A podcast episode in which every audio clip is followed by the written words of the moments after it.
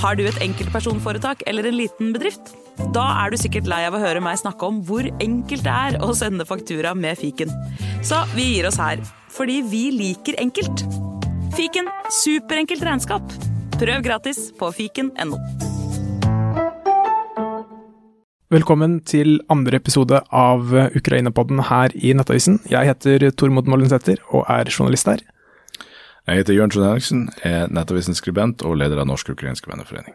Og i dag så må vi ta for oss det viktigste vi skal snakke om i denne podkasten. Det er nemlig hvordan det går på slagmarken i Ukraina. Ukraina har hatt eh, fremgang gjennom helga, Jørn. Kan du fortelle oss mer om det vi vet?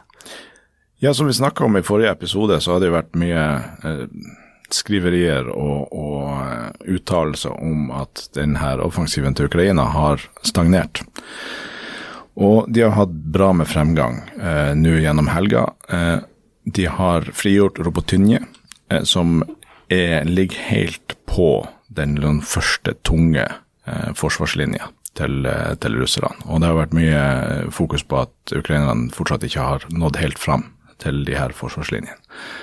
Nå har de det. De har også gått eh, rundt den første forsvarslinja og begynt å ta territorium eh, eh, sør for den første forsvarslinja. Så det er en rekke russiske posisjoner langs den forsvarslinja som nå eh, står i fare for å bli omringa. Det, det, virker som de kan frigjøre en ganske stor seksjon.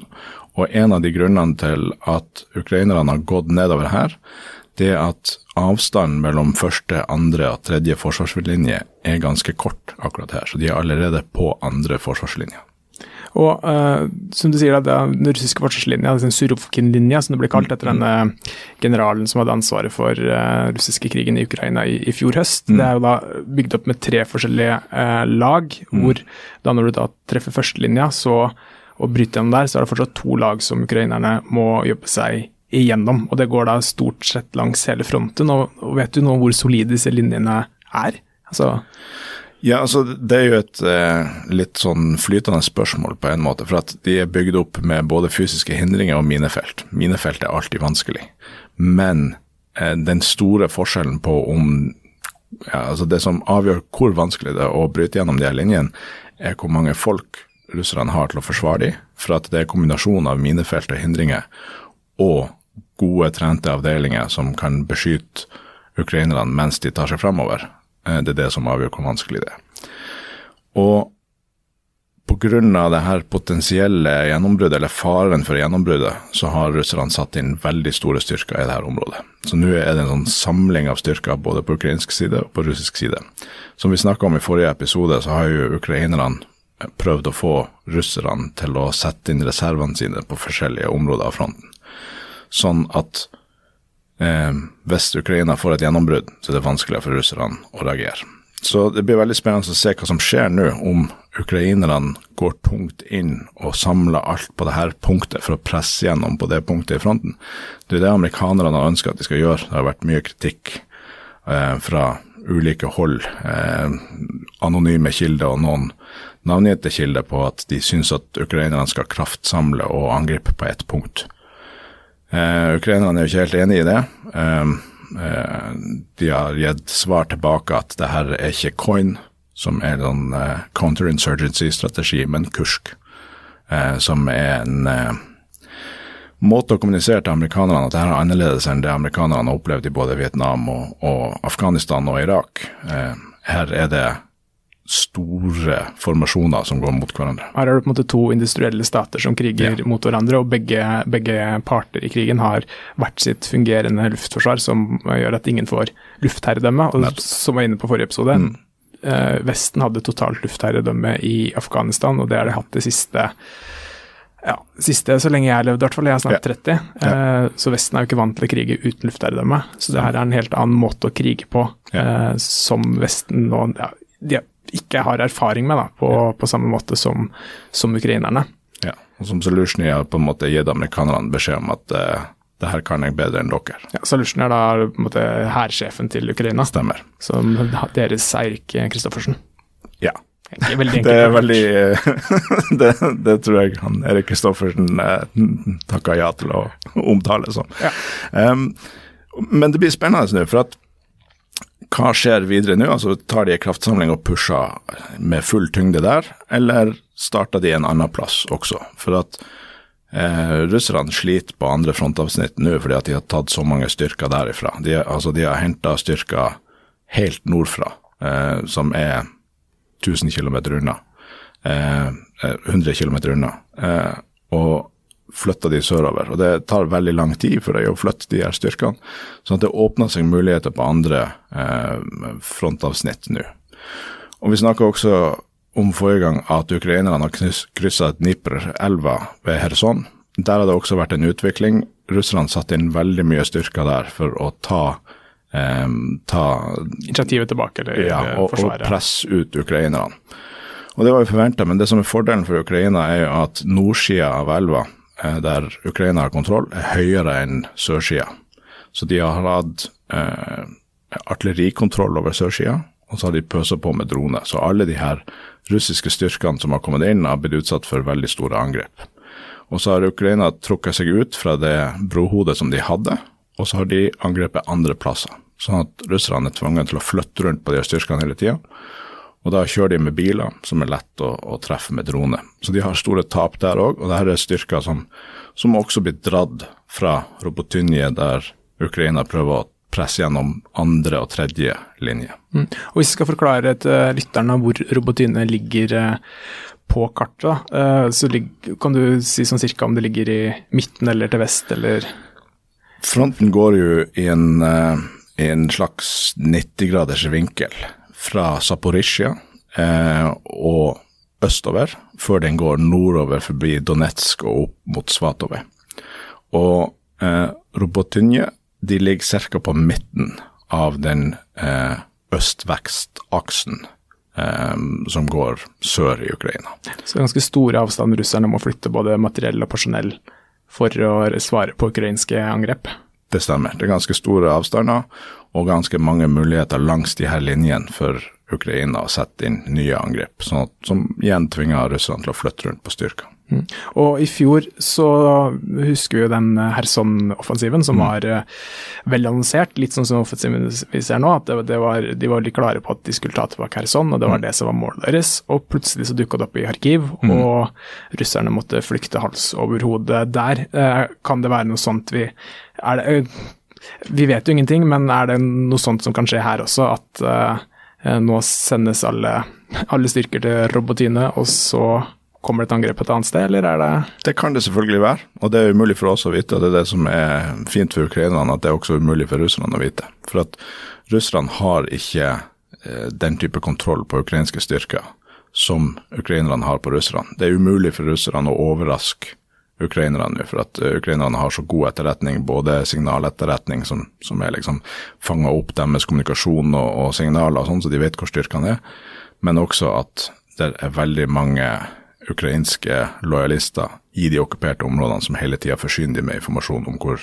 russiske styrker er. Så russerne har ikke lenger mulighet til å overraske ukrainerne, men motsatt så må russerne planlegger ut ifra at det kan komme angrep, store angrep andre plasser. Og også den typen raid som, som vi har sett på Krimhalvøya, eh, som foregår med små båter og små styrker, men som gjør veldig stor skade. Ja, og du kan ikke forsvare mot alt på én eller Russland kan i hvert fall ikke forsvare seg mot alt eh, på én gang, for det har de rett og slett ikke nok soldater til, er det riktig? At det, kan være, De kan ikke ha gode forsvarslinjer langs hele fronten og på Krimhalvøya og inn mot Belgorod f.eks.? Nei, de har, eh, altså de har ikke uendelig med styrker, men det er i hvert fall de har stor mangel på det godt trente styrker. Eh, de har veldig, veldig stor andel av de styrkene de har igjen nå, er mobiliserte folk som har eh, relativt lite trening. Og så har de også stor mangel på, på, utstyr. Vi har sett på de daglige oppdateringene fra ukrainske myndigheter at det, de ødelegger ganske få stridsvogner for tida. Og det er sannsynligvis fordi at det er ikke fryktelig mange russiske stridsvogner på slagfeltet. De har gjennomført noen angrep i det siste, det har vært tre og fire stridsvogner i de angrepene. Men sånn armerte personellkjøretøy og, og, den type ting, og særlig artilleri, ødelegges det veldig mye av. Så det er tydelig at ukrainske droner og artilleri eh, når sine mål, men men mangelen på stridsvogner for russerne begynner å vises ganske tydelig. Mm.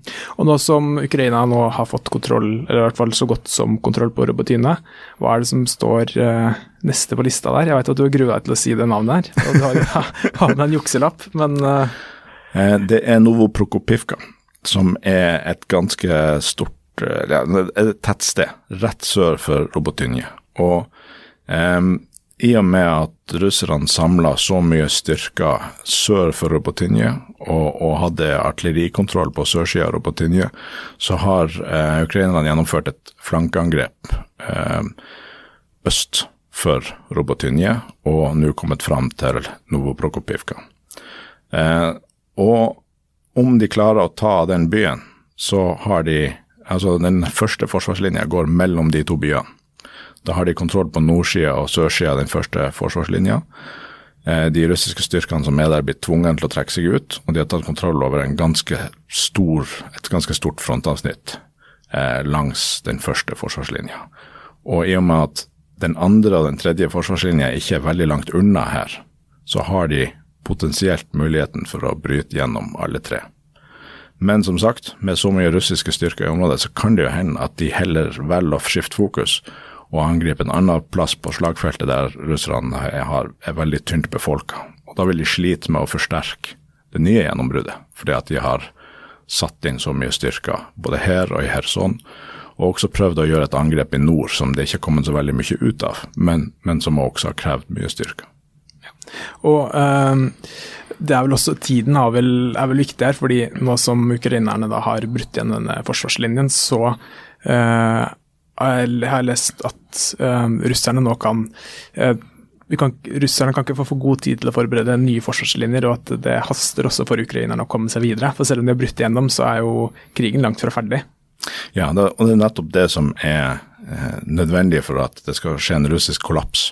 Det er jo at de kan bryte gjennom og forsterke det gjennombruddet og ha en hastighet gjennom det. Derfor, altså alle de som har skrevet om at stridsvognens tid er forbi, det stemmer jo ikke. fordi at pansra kjøretøy handler jo først og fremst om å raskt kunne få frem styrker, eh, og at de kan ta mer risiko enn de kunne gjort uten pansra kjøretøy. Fordi at eh, de er ikke usårbare, men målet med de er at de som blir truffet, skal kunne overleve. Da kan de ta større risiko, da kan de komme seg lengre frem, fortere. Eh, og det er det ukrainerne trenger. De må, må, komme seg gjennom de her linjene, og så pøse på med styrker inn der.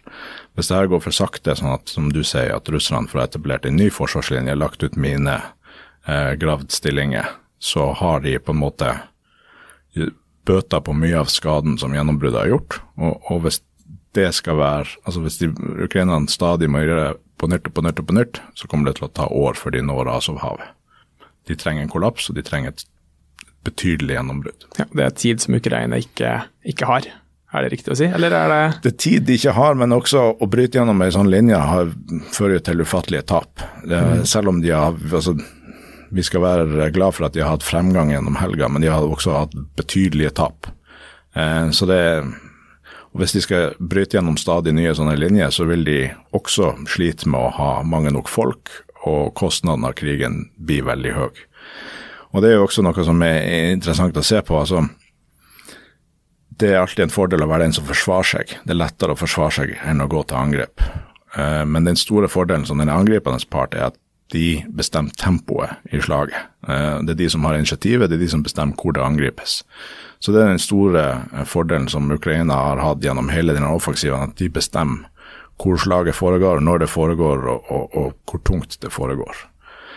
Og nå ser vi på et potensielt gjennombrudd, og jeg håper virkelig at det skjer nå, fordi at ukrainerne syns at det passer nå, at de ser at forholdene ligger til rette for å gjøre et sånt angrep. At det ikke er press utenfra som pusher på at nå må det skje et eller annet. Vi snakka jo om sist at politikk er også en faktor på slagfeltet. Og det har vært en veldig stor styrke for ukrainerne at det ikke har vært noen sånn politisk konflikt mellom den politiske ledelsen og hærledelsen. Eh, mens på russisk side, så blant annet Bakhmut, er jo sannsynligvis fordi at Putin har pekt på et kart, og det er jo sjelden en god idé. Så jeg tror ikke det er noe press fra Zelinskyj eller fra den politiske ledelsen, men hvis Vesten begynner å bli utålmodig, hvis amerikanerne begynner å bli utålmodige og er sånn, ja ok, hvis vi skal pøse på på ressurser til denne krigen, så må jo dere vise noen resultater. Eh, jeg håper det er ikke det som gjør at de pusher på nå. For at hvis de pusher på for tidlig, så vil de få betydelige tap og kanskje unødvendig store tap. Da skal vi ta turen ut fra Ukraina og ut fra Russland. Vi skal til et annet naboland av Norge. Vi skal til Finland, for før helgen så sprakk nyheten om at Jan Petrovskij blei pågrepet der. Og Petrovskij er et uh, ganske kjent navn i det norske nyhetsbildet. Han uh, skapte store overskrifter i Norge for uh, det var rundt 2014, 2015, 2016 så kom det fram at han hadde kriga for Russland i Ukraina.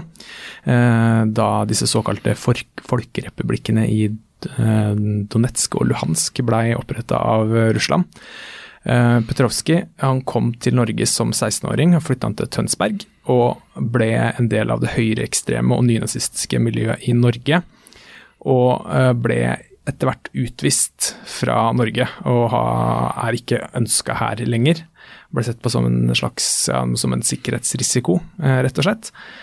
Eh, han har, etter at han kom til Norge, eller litt uklart akkurat når, men rundt 2014 antageligvis, så var han da med på å opprette en eh, skal vi kalle det en gruppe, en sånn frivillig soldatgruppe som kaller seg Rosic, som betyr vel rett og slett russer.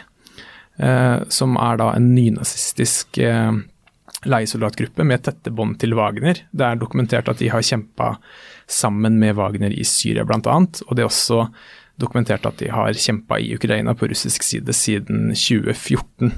Eh, lederen for Rosic, i hvert fall han som er offentlig ute i, i, på sosiale medier og ansiktet utad, han er kanskje mest kjent for å ha drevet med ganske stygg dyremishandling. Det er noe, Om det er bilder eller video av at han eh, maltrakterer en hund. De blir bare mer og mer sympatisk, de folkene, dess mer du snakker om de. Ja, det her, eh, Jeg anbefaler eh, ingen sarte sjeler å sjekke det her ut, for det, det er stygt, rett og slett. Mm. Og denne lederen for Rusic, da, eh, han, eller ansiktet utad, han har blitt intervjua av en TV-kanal eller om det er YouTube-kanal, jeg er litt usikker, men det er i hvert fall et videoklipp hvor han sitter og ser inn i kamera og så sier han at jeg er nazist, jeg er nazist, jeg er nazist. Så det er ikke noe tvil om hvor denne Rusic-gruppen står eh, politisk. Og da denne Petrovskij er da en av grunnleggerne og lederskikkelsene her. Det er litt uklart om han er øh, holdt på å si, reell leder, eller bare i ledelsen, men er altså helt i øvre sjiktet. Han er nå pågrepet i Finland, og det er litt uklart akkurat hva han gjorde i Finland og hvilke omstendigheter han ble pågrepet under. Det er skrevet at han var på vei til Frankrike, leste ett sted. Eh, men det her eh, Jeg, jeg eh, må ikke det her er sagt litt uklare omstendigheter. Han skal ha besøkt kona si i Finland, er det noen telegramkanaler som skriver. Uh, han har skifta navn, han heter ikke lenger Petrovskij, han nå heter han Voislav Torden. Og dette er da en mann som uh, snakker flytende norsk. Uh, så det, du ser også det nye navnet hans er da sterke forbindelser til, til Norge. Mm. Petrovskij, eller Torden som vi også kan kalle han, ble pågrepet i Finland så tidlig som den 20. juli. Og så har det gått under radaren til offentligheten fram til og med fredag, da det ble offentlig kjent. Eh, og Rosic har sin egen Telegram-kanal, som er da et sosialt eh, medie. Eh, og de er Eid av, eller kontrollert av den russiske etterretningstjenesten. Yes, det er også verdt å, verdt å merke seg. og på Rosic, denne leiesoldatgruppen som han da er tilknytta, de skrev, om det var fredag kveld var det vel, eller om det var lørdag, så skrev de at de vil nå legge ned våpnene sine og ikke kjempe før Eh, denne Petrovskij da blir utlevert til Russland. For um, Ukraina vil jo veldig gjerne ha tak i Petrovskij. Han er tiltalt for både krigsforbrytelser og terror i Ukraina. Han har også vært veldig åpen om hva han har gjort. Han har posta bilder på sosiale medier hvor han poserer foran brennende lik av ukrainske soldater. Og legger ikke skjul på at han har deltatt i krigen, men nekter selv for at han har gjort noe gærent. Han kaller seg da en Eh, litt usikker på hva han kaller seg, men han mener selv at han har kjempa for Russland og ikke, ikke gjort noe klandreverdig. Uh, og hva betyr det Hva kan det bety at han nå har pågrepet, og Rosic sier at de legger ned våpnene? Først og fremst vil jeg si at det er en veldig eh, ja, Jeg vet ikke hvor gjennomtenkt den trusselen er fra denne gruppa. Skal liksom finnene si å nei, vil ikke nazistene slåss på, på, linja? Da må vi i hvert fall igjen tilbake til Russland. Eh, men det er interessant at de legger ned våpnene, for at de var på den eh, her Robotinje-linja, eh, der ukrainerne nå har et gjennombrudd. Eh, kanskje, eh, vet vi ikke hvor stor denne grupperinga er, men kanskje har det at de har lagt ned våpnene også bidratt til å svekke de russiske posisjonene der. Ehm, men hva er motivasjonen hans til å forlate? Det kan jo være at uh, krigen generelt går dårlig for, for russerne, og at uh, det er på tide å, å flykte vestover. Uh, det er jo ren spekulasjon, selvfølgelig, men det er interessant at han, at han er i vest og ikke langs fronten lenger.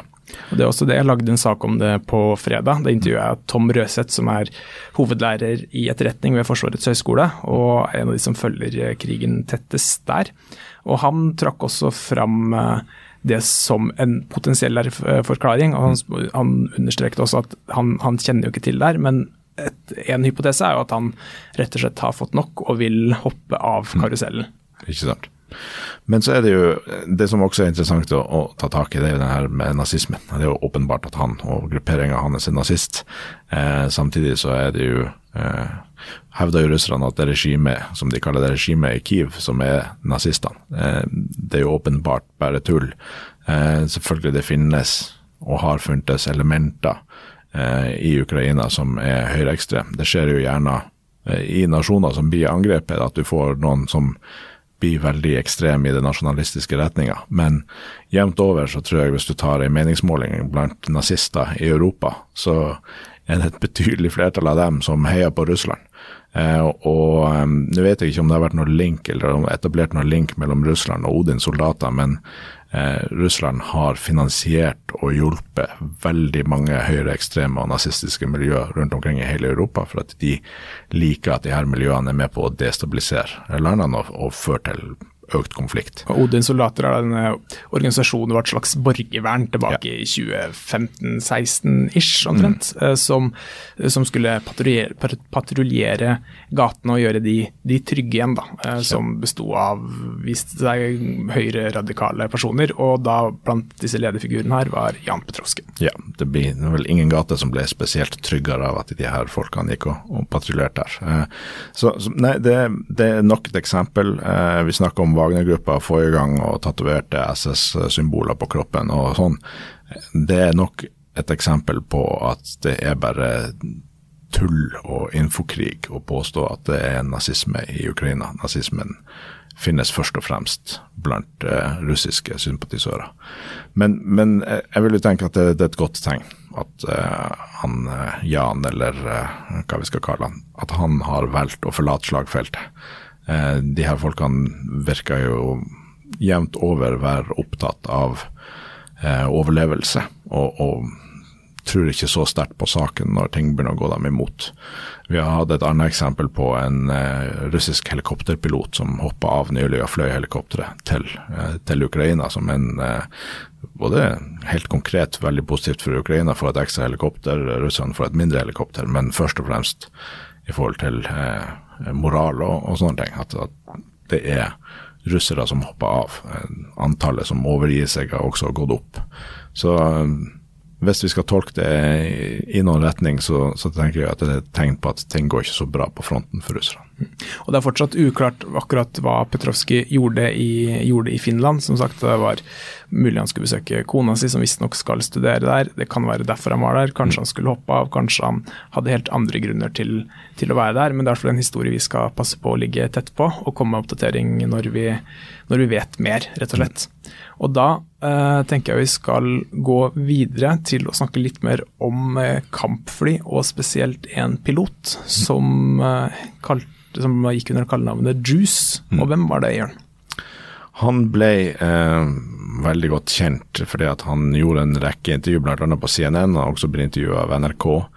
Um, han var en uh, ukrainsk MiG-29-pilot uh, som ble en slags ambassadør for deres uh, Eh, jobb for å skaffe F-16. Eh, han var veldig flink til å kommunisere hvorfor F-16 vil være nyttig for Ukraina, og hvilke begrensninger de gamle sovjetiske jagerflyene han flyr med, har, og hvorfor de er så sårbare mot uh, russerne. Og I og med at han var såpass god i engelsk som han var, så han sannsynligvis blant de første som ville ha fått opplæring på F-16. Han har også vært på reise i USA for å, å se på F-16. Eh, det ukrainske luftforsvaret har et samarbeid med California Air National Guard, som har F-16. Der har han også vært involvert. så Han ble intervjua av CNN også da han var i USA. Eh, jeg har snakka med han et par ganger på noe som heter Twitter Spaces, eh, som er slags men åpen radiokanal, live podkast, der eh, hvem som helst kan snakke. Så, og flere i Norge har, har oppretta en, en, relasjon til han. Det som er spesielt, er at jeg og du snakka om han på fredag, for vi ønska å opprette kontakt med han, sånn at Nettavisen kunne intervjue han om hvorfor F-16 eh, vil være nyttig for Ukraina. Eh, men samme dag så ble han drept i en treningsulykke der to fly kolliderte, og eh, tre piloter ble drept, deriblant han. Og Omstendighetene rundt hva som skjedde er jo fortsatt ikke kjent. Eh, de sier at det, det skal etterforskes, men vi vet ikke noe mer enn at det var en treningsulykke hvor to fly eh, kolliderte og alle tre pilotene om bord omkom.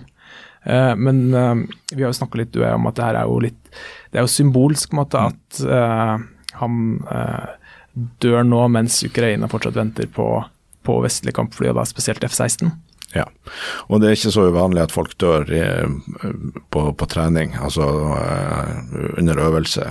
Både når det gjelder fly, men også andre øvelser. Jeg tror Eh, hvis jeg ikke husker helt feil, i løpet av den kalde krigen så mista vel Nato rundt 10 000 eh, personell gjennom øvelser, og Sovjetunionen rundt 80 000. Men de har jo litt annet forhold til, eh, til sikkerheten til sine egne soldater. Så det å trene hardt De, de sier 'train hard, fight easy'. Så, så, når militære styrker trener, så pusher man grensen og tar mye risiko. Så det er ikke, det er ikke uvanlig at sånne typer ulykker skjer.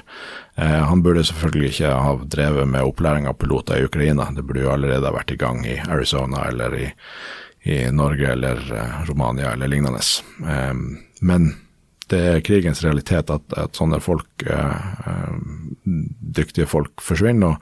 Og, og, det er jo en påminnelse av brutaliteten her. Altså, eh, flere her i Norge hadde opprettet, altså kjente han jo ikke, men har snakka med han og fått en relasjon til han, og da, da stikker det litt ekstra dypt når sånne folk eh, forsvinner. Men samtidig så er det jo, ja, altså han var soldat, pilot, militær og soldat. Han visste risikoen og visste at det var en fare for at han skulle omkomme. Men eh, vi må ikke stille oss blind på kart og linje og hvordan fronten beveger seg. Det er veldig mange mennesker som dør i denne krigen. Dessverre også veldig mange sivile. og folk som eh, Når de legger ungene sine om kvelden, så er de fullt av frykt for hva som kan skje om det kommer ei shahid-drone inn vinduet i løpet av natta. Og Det er en, det er en brutalitet som, som, vi må huske på når vi eh, også snakke om linjer på kartet. Det er derfor det er viktig å ta opp sånne historier som, som Juice og prate om det, for å få et ansikt på, på disse grusomhetene som, som, skjer, og alle disse menneskene som, eh, som mister livet. Så det er mm. viktig, viktig, å ikke glemme det, som du sier. Eh, da går vi videre til eh, et helt, et helt annet kontinent, faktisk. Mm. Vi skal til Sør-Afrika, og der eh, det er et av de landene som eh, har et samarbeid med Russland til tross for krigen. Og er vel Russland har bl.a. hatt eh, militær øvelse med Sør-Afrika etter krigens start. Mm. Uh, og i det russiske propagandaapparatene så spiller ambassadene en viktig rolle. Og den russiske ambassaden i Norge de er ganske forsiktige. De uttaler seg lite og videreformidler stort sett bare informasjon fra sentralt hold. Mm. Men den russiske ambassaden i Sør-Afrika derimot, de er veldig veldig aktive, og spesielt da på X, eller Twitter, som, eh, som, som også er, er kjent, kjent, som, så poster de eh, opptil flere titalls poster hver dag med hvor de da sprer det russiske narrativet. Da. Det er jo mm. rett og slett en viktig, viktig del av propagandakrigen. Og det går ikke alltid så bra for, eh, for Russland. Det, og nå sist, i dag tidlig, på mandag formiddag, så posta de eh, et bilde av de potensielt nye BRICS-landene, som er en, kall det en samarbeidsorganisasjon da, som består originalt av Brasil, Russland, India, Kina og Sør-Afrika. Mm. Og de skal nå ta opp nye allianseland. da, mm. Så posta jeg et verdensbilde med alle disse nye landene hvor de var markert i grønt. Og eh, det som var morsomt da, hvis du zooma inn på det bildet, så så du at uh, Ukraina det var ikke en del av BRICS. Og det var heller ikke eh, Donbas eller Krimhalvøya. Så de har fått, uh, fått litt tyn på, på, sosiale medier allerede, så gjenstår det å se hvor lenge denne posten blir, uh, blir stående. Det er, ikke, det er, ikke, første gangen eh, russerne har gjort denne tabben. De bruker sikkert kart fra FN eller lignende når de lager denne grafikken, og det er jo litt gøy, men det er jo veldig eh, altså, Hvis du skal slippe å produsere nye ting hele tida, så er det bra å ha et kart som vil stemme overens med fremtida. Så når de mister Krim, så slipper de å lage de her kartene på nytt. Um, men BRICS er, jo, BRICS er jo interessant. Um, det har vært hvis du har vært på X eller Twitter i det siste, så vil du lese veldig mye om BRICS. Ikke fordi at verden er veldig opptatt av det, for at det er et samarbeidsorgan som, som ikke har veldig sterk innvirkning på verden. Men russiske nettroll helt spinnvilt opptatt av BRICS, og, og snakker om denne nye multipolare verden og alternativ til dollar og, og alt mulig sånn. Så så hvis du, hvis du, leter etter russiske nettroll og, og, vil se hvem som uh, kommer fra trollfarmene i St. Petersburg og sånn, så det er bare å søke på BRICS på, på X, så får du opp eh, lista. For at de, de, har prøvd å hausse opp det her BRICS-møtet som har vært i Sør-Afrika, om den nye verdensorden, men, men realiteten er at det er ikke veldig mye som endrer seg, selv om Saudi-Arabia blir med der. Nei. Og skal også tas med at Det er ikke så lenge siden jeg skrev en annen sak om den russiske ambassaden i Sør-Afrika, hvor de da hadde posta et bilde hvor de skrev noe sånt som at før eh, USA og George Soros pumpa penger inn i Ukraina, så var eh, Ukraina og Russland et land med felles verdier, tradisjoner og religion. Mm. Så dere posta en bilde folk, fra en folkegruppe med russiske og ukrainske flagg som sto tett i tett. Og så viste det at det bildet, det var ekte, det. Men det var fra en demonstrasjon i 2014 mot annekteringen av Krimhalvøya. Og hvis man fant eh, Hvis man eh, gjorde et omvendt bildesøk på Google, så fikk man da opp et eh, bilde som hadde mye større utsnitt enn det den russiske ambassaden i Sør-Afrika brukte. Hvor det da bl.a. Sto, eh, sto flere plakater med ting som 'Putin, slutt å krige, lyve og slåss', og 'Putin, hold fingrene borte fra Krimhalvøya'. Så det er ikke første gangen, og helt sikkert ikke siste, vi får, eh, får se noen eh, sosiale medier-blundere fra der i gården. Så det kan jo være en Twitter-konto å følge bare for underholdningens del. Absolutt. Og du Jørn, du sa i dag at du ville prate litt om Moldova. Dette mm. landet som ligger eh, mellom eh, Romania og Ukraina. Mm. Eh, det har jo de har jo sin egen vonde historie med Russland. De har Transnistria, som er en såkalt utbryterregion, da, mm. men det er en russiskstyrt hva skal vi kalle landområdet helt øst i Moldova, på grensen til, eh, til Ukraina, som har vært russisk kontrollert siden starten på 90-tallet. Det stemmer. Og Moldova hadde sin uavhengighetsdag i går. Eh, vi feira jo Ukraina sin uavhengighetsdag på torsdag, og Moldova var ikke lenge etter, i 1991, og, og fikk sin uavhengighet. Og, og, du har helt rett. Eh, Moldova er jo Europas fattigste land, og det er ikke tilfeldig. De er det fordi at Russland vil at de skal være det. Og Transnistria har vært eh, okkupert, eh, vil jeg si da. At det er en russisk okkupasjon. De kaller det et selvstyrt område med russiske fredsbevarende styrker. Men det her er litt sånn Moskvas metode, og, og det kjenner vi igjen fra, fra Georgia og fra Moldova, og nå også i Ukraina. Og det er jo da Sovjetunionen falt sammen og Moldova erklærte uavhengighet, så sendte russerne styrker til Moldova, og vi hadde Transnistria-krigen. Um, Moldova gjorde det egentlig ganske bra i den krigen og fikk støtte av Romania, men til slutt så ga Jeltsin Romania beskjed om at nå slutter dere å støtte Moldova, ellers kommer vi til dere også. Og da endte det opp i en fredsavtale. Eh, og sånn har det vært siden, men, men eh, det at russerne kontrollerer Transnistria, som er en slags linje mellom Moldova og Ukraina, det er på østsida av Moldova, så har de på en måte hatt kontroll, eller had, kunne hatt sterk innflytelse over Moldova helt siden det. Eh, for at selv om eh, denne republikken er selvstyrt, og Moldova sin regjering ikke har noe innflytelse på hva som skjer der, så deltar de som bor der i valg i de Moldova, eh, valgene i Moldova.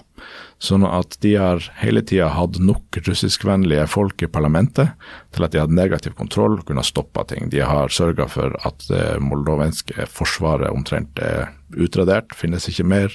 De har hindra energisamarbeid med Europa.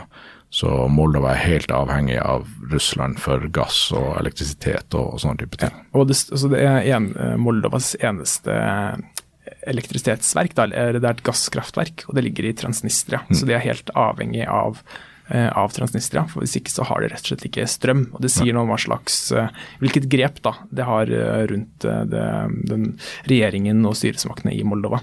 Ikke sant. Så, så her, er det, eh, her, er det, veldig mange paralleller til, til, Ukraina. Det er veldig likt det som har vært i Georgia, som har Abkhasia og Sør-Ossetia med, med, samme type status. Der det ble ny russisk invasjon i, i Georgia i, i 2008. Men, men, Transnistria er på en måte en havn for organisert kriminalitet og, og russisk innflytelse i Moldova, som gjør at Moldova er, har aldri vært helt fritt og har aldri hatt helt kontroll over sitt eget land. Så har det kommet en veldig fremoverlent, dynamisk og dyktig politiker som heter Maya Sandu, som er blitt valgt president i Moldova og hadde så stor popularitet at til tross for at de her folkene som bor i Transnistria eh, stemmer i valgene, og til tross for russiske informasjonskampanjer og sånn, så fikk hun så stort flertall i parlamentet at de russiskvennlige partiene er ikke i stand til å blokkere ting akkurat nå.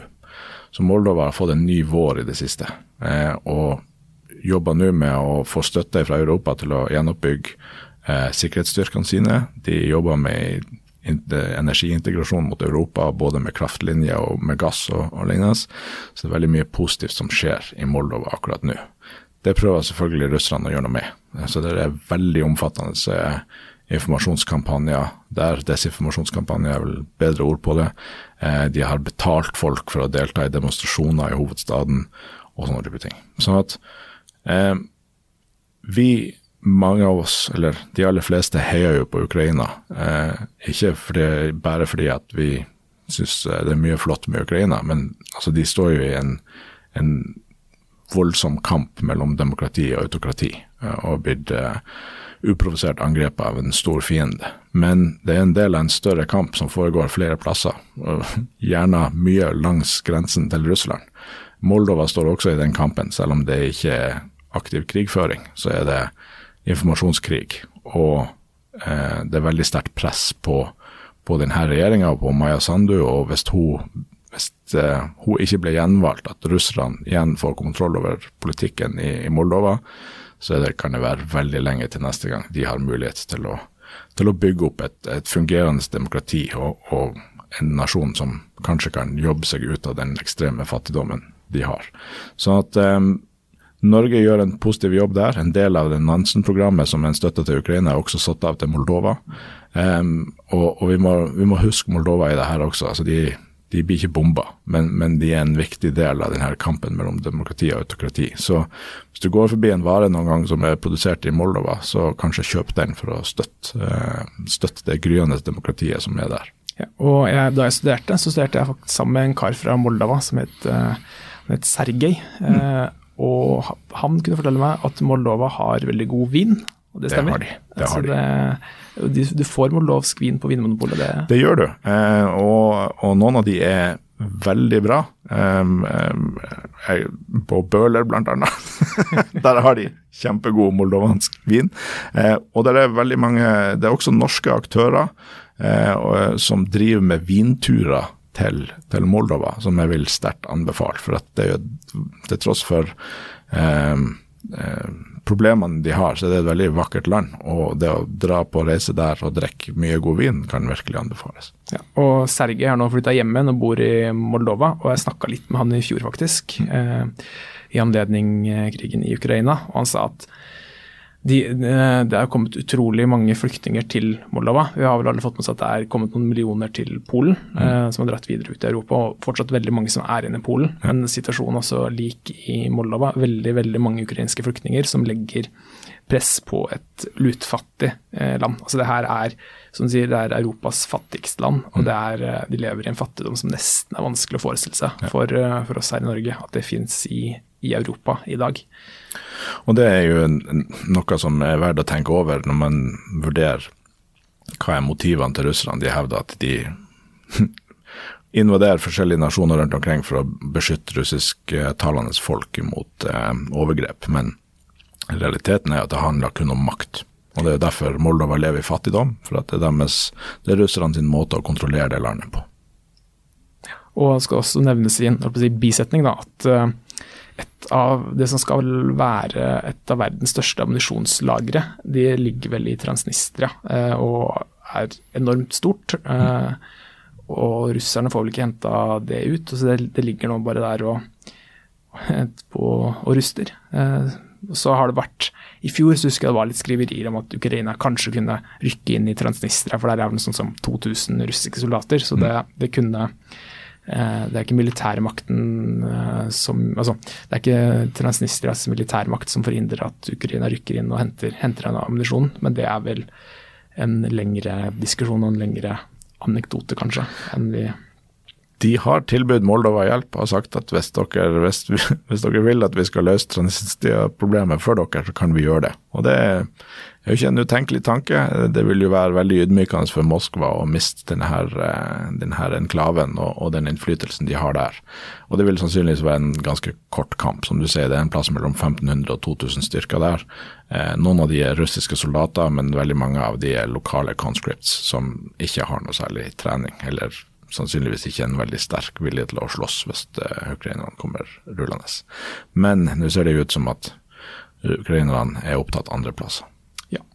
Og da lurer jeg på om vi skal runde av i dag. Vi har fått vår egen e-postadresse, Jørn, til, uh, til, denne podden. Så mm. hvis du har noen innspill, så kan du sende en e-post til ukrainapodden, krøllalfa, nettavisen.no. Hvis du har uh, spørsmål eller innspill eller det er noe annet du har lyst til å si. Og så er det vel bare å sende oss en melding på Twitter eller X hvis, det, hvis man eh, skulle få lyst til det. Hva heter du der, Jørn? Eh, J. Sund Henriksen. Eh, veldig lett å finne. Og så eh, tar, om dere ikke har spørsmål, så ta i hvert fall og like og del podkasten. Og gi oss gjerne så mange stjerner du mener vi fortjener, for jo høyere rangering vi har, jo mer sprer seg. Veldig godt forslag. Hvis du har lyst til å gi få stjerner, så trenger du ikke å gjøre noe. Ja, da kan det la være. Og det runder vi av. Takk for at du lytta, og vi er plutselig tilbake.